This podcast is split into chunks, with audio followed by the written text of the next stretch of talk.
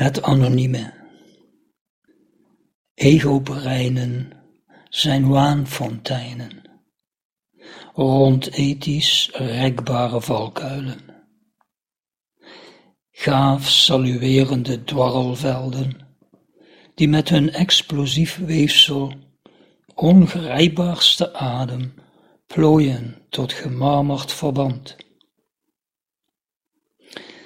Een werkelijk oceanisch hart vult zich dieper warmend, ruimteverslindend werpt het licht op elk aan leven en sterven gehoorzamend wezen dat zich haar uit nood vertoont.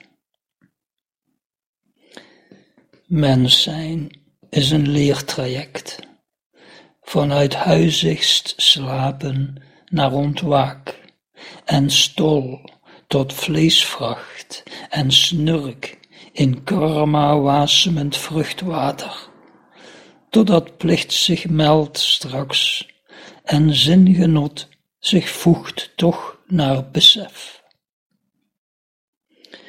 Zie dan hoe je vordert openlijk en welke stappen zinvol zijn.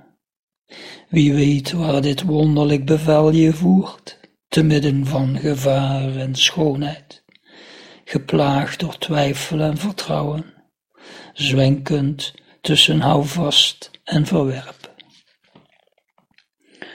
Ach, wat weten wij per saldo weinig over waarde en verwaarloosbaars.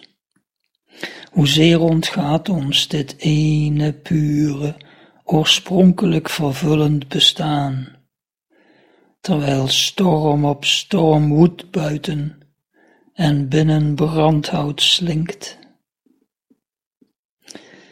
Edeler noodzaak wil ontvlammen en me verbinden met wie zicht vond of oprecht zoekend is, een ieder gewaar het innerlijk serum dat ons vlokjes de moed bereidt tot leven in volheid.